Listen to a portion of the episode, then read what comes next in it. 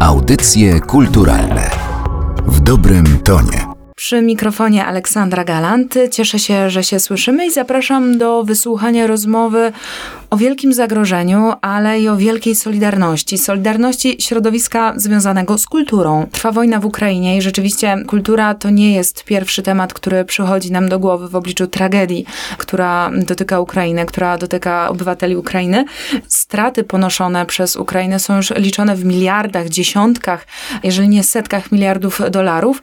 Straty, oczywiście te najbardziej dotkliwe, dotyczą ludzi, dotyczą ludności Ukrainy, dotyczą także infrastruktury, ale dotyczą także także instytucji kultury, dzieł kultury, które są przechowywane w Ukrainie i które są ważne również dlatego, że są filarem, są jedną z podstaw, która buduje tożsamość narodową, dlatego warto o nie dbać i warto o nich pamiętać. I właśnie dlatego został powołany z inicjatywy Muzeum Powstania Warszawskiego Komitet Pomocy Muzeum Ukrainy. A zaproszenie do dzisiejszej rozmowy przyjęła koordynatorka całej akcji Anna Drost, właśnie z Muzeum Powstania Warszawskiego. Dzień dobry Państwu, bardzo mi miło. Kultura i sztuka schodzą trochę na dalszy plan w momencie wybuchu wojny, ale mają ogromne znaczenie, ogromną siłę, dlatego że to są często takie dowody siły narodu i mam wrażenie, że decyzja o powołaniu komitetu zapadła niemalże błyskawicznie. Tak, zgadza się. Komitet został powołany z inicjatywy Muzeum Powstania Warszawskiego w pierwszych dniach marca.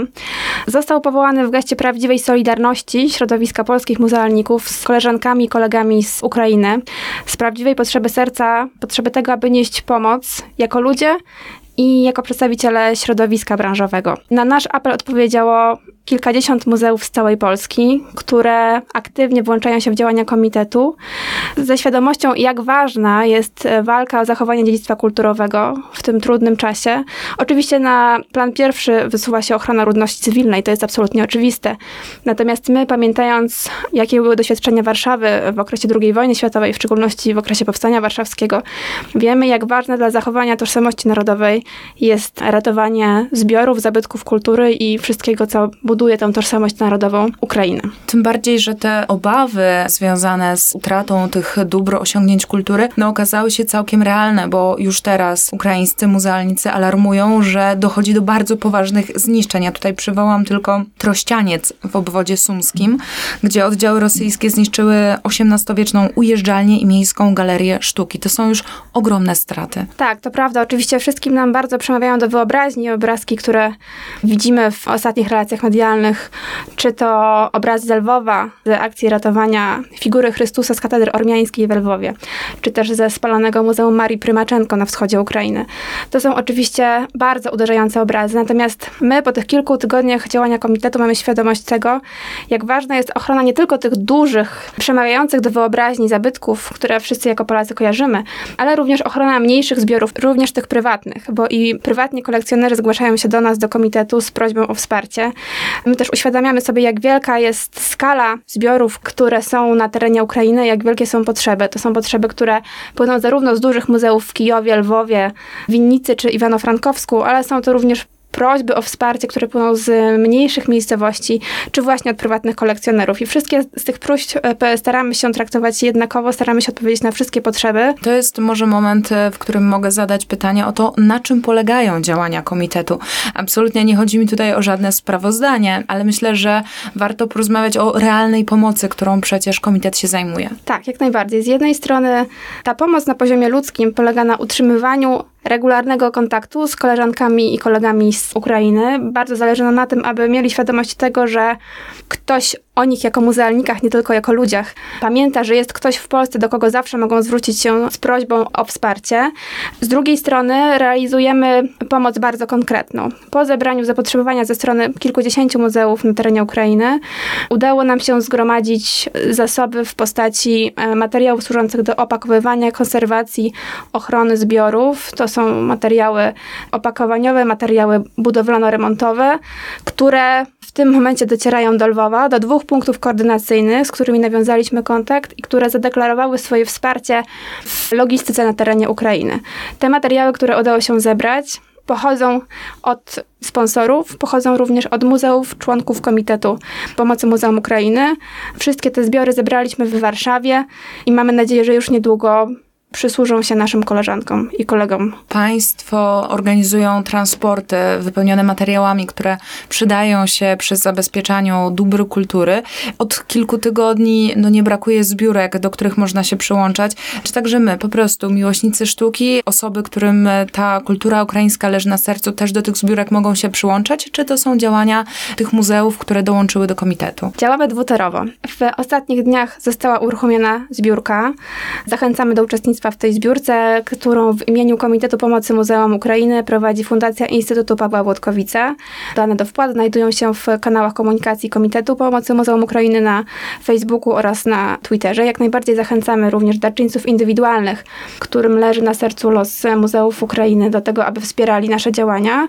Z drugiej strony myślę, że o tym warto powiedzieć, napływa do nas bardzo wiele sygnałów z zagranicy, od zagranicznych placówek kultury, muzeów, fundacji, które również chciałyby się włączyć w działalność komitetu, zarówno finansowo, jak i materialnie. Przyjęliśmy duży transport e, z jednego z muzeów norweskich, które zgłosiło się do nas z propozycją współpracy przy realizacji transportu materiałów e, do Lwowa.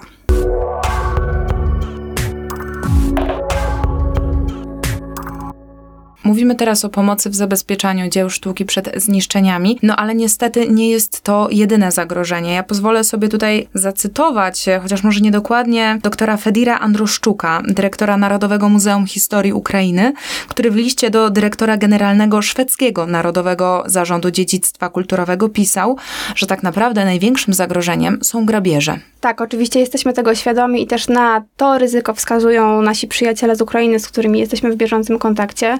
Uspokajają nas jednak, że tuż po wybuchu wojny, w pierwszym odruchu, w pierwszej potrzebie serca ratowania zbiorów, większość z nich udało się zabezpieczyć. Może nie w bardzo profesjonalny sposób, natomiast większość zbiorów jest schowana, zabezpieczona i teraz jest ten etap pewnej stabilizacji i pewnego myślenia o tym, co można zrobić dalej, aby te zbiory przed grabieżą również uchronić. I w tym chcemy im pomóc. W tym chcemy im pomóc, organizując kolejne etapy naszego wsparcia. Czy osoby zasiadające w komitecie zakładają też, że część zbiorów uda się przetransportować do Polski i tutaj przechować? Na ten moment nie podejmujemy takich inicjatyw. Ewentualna decyzja o ewakuacji zbiorów z terenów Ukrainy do Polski będzie zapadała na poziomie ministerialnym. Kiedy przeglądałam sobie, jakie cele postawił sobie komitet, to moją uwagę zwróciło właśnie to, że pojawił się także wątek zbierania dokumentacji, która świadczy o postępujących zniszczeniach i grabieżach. Dbałość o to, żeby o tym nie zapomniano. Tak, to prawda. Rzeczywiście być może nie jest to pierwsza rzecz, która przychodziła do, do, do głowy muzealnikom z Ukrainy, natomiast my mając świadomość, jak jest to istotne w późniejszych latach, aby odtworzyć to, co zostało zniszczone czy obrabowane. Zachęcamy również do tego, aby, aby tę świadomość wzmacniać i podejmować konkretne działania. Namawiamy do ekspresowej digitalizacji zbiorów, również wspieramy w tym naszych partnerów z Ukrainy i wydaje nam się, że ta świadomość po pierwsze była, a po drugie rośnie i, i mamy nadzieję, że również w tym aspekcie nasza pomoc będzie szybka i efektywna. Pani mówiła o tym, że zachęcają Państwo do digitalizacji. Pewnie wiele działań podejmują osoby związane z tymi placówkami, z tymi dziełami. Mam na myśli kustoszy, muzealników, ale wydaje mi się, że no, historia się powtarza i mamy do czynienia z takim niezwykłym zrywem osób no, na co dzień ze sztuką niezwiązanych, którzy po prostu ratują swoje dziedzictwo. Dokładnie tak jest. Myślę, że tutaj takie zawodowe poczucie obowiązku miesza się z tym prywatnym. Ten zryw my zresztą również obserwujemy po stronie polskiej, ponieważ po ogłoszeniu powstania inicjatywy Komitetu Pomocy Muzeum Ukrainy otrzymaliśmy bardzo wiele sygnałów nie tylko ze strony instytucji, placówek kultury czy muzeów, ale również od osób prywatnych, konserwatorów, miłośników sztuki, studentów, którzy oferowali swoją pomoc e, jako wolontariusze i bardzo sobie to cenimy. Każdą z tych deklaracji pomocy notujemy i staramy się włączyć w nasze działania wszystkich, którzy deklarują taką potrzebę. Myślę, że warto również powiedzieć o tym, że do naszej akcji włączyły się nie tylko duże muzea z największych miast w Polsce, ale również muzea z małych miejscowości, których możliwości logistyczno-finansowe są mniejsze, ale zaangażowanie jest ogromne. Bardzo sobie to cenimy. Pielęgnujemy tę solidarność ze środowiskiem muzealników w Ukrainie i mamy nadzieję, że nasze działania przyniosą szybkie efekty, a zniszczenia nie będą tak ogromne Ten wątek też chciałam poruszyć, bo mam wrażenie, że tak jak szybko udało się zawiązać komitet, to tak samo szybko pojawiła się reakcja. Ja patrzyłam na listę muzeów, które przyłączyły się do tej akcji. To ona po pierwsze bardzo szybko była już imponująca, po drugie znajdowały się na niej muzea nie tylko z Warszawy, nie tylko duże instytucje, ale też placówki z Gdyni, z Torunia. Tak, to prawda. Dołączyły do nas placówki z Katowic, Tarnowskich Gór, z Pruszkowa, z Kętrzyna, z małych miejscowości. Mamy wrażenie, że ta solidarność rozlewa się po całej Polsce. I nie są to tylko puste deklaracje, ponieważ z każdym z tych muzeów blisko współpracujemy, otrzymujemy kolejne deklaracje współpracy i mamy nadzieję, że ta skala naszej działalności będzie się poszerzać. To w takim razie zapytam też o to, co w najbliższych planach. Pani powiedziała, że duży transport e, materiałów został już przekazany do Lwowa. Co dalej? Czy to właśnie będzie taka współpraca z Lwowem, czy obejmie ona też e, inne miasta, zbiory w innych miastach? Jak najbardziej. To myślę, że bardzo warto podkreślić, że ta współpraca obejmuje nie tylko bieżący kontakt z placówkami w Lwowie. W Lwowie mamy e, dwa punkty koordynacyjne, które dystrybuują pomoc na teren całej Ukrainy. Bardzo zależy nam na tym, żeby nie koncentrować się tylko na muzeach lwowskich, ale również na innych placówkach i wydaje się, że to z pomocą naszych partnerów w Lwowie uda się osiągnąć. W najbliższych planach mamy organizację kolejnych transportów. Jak wspomniałam, przyjęliśmy duży transport materiałów z Norwegii. Oczekujemy kolejnych, między innymi z Danii, Wielkiej Brytanii czy Łotwy.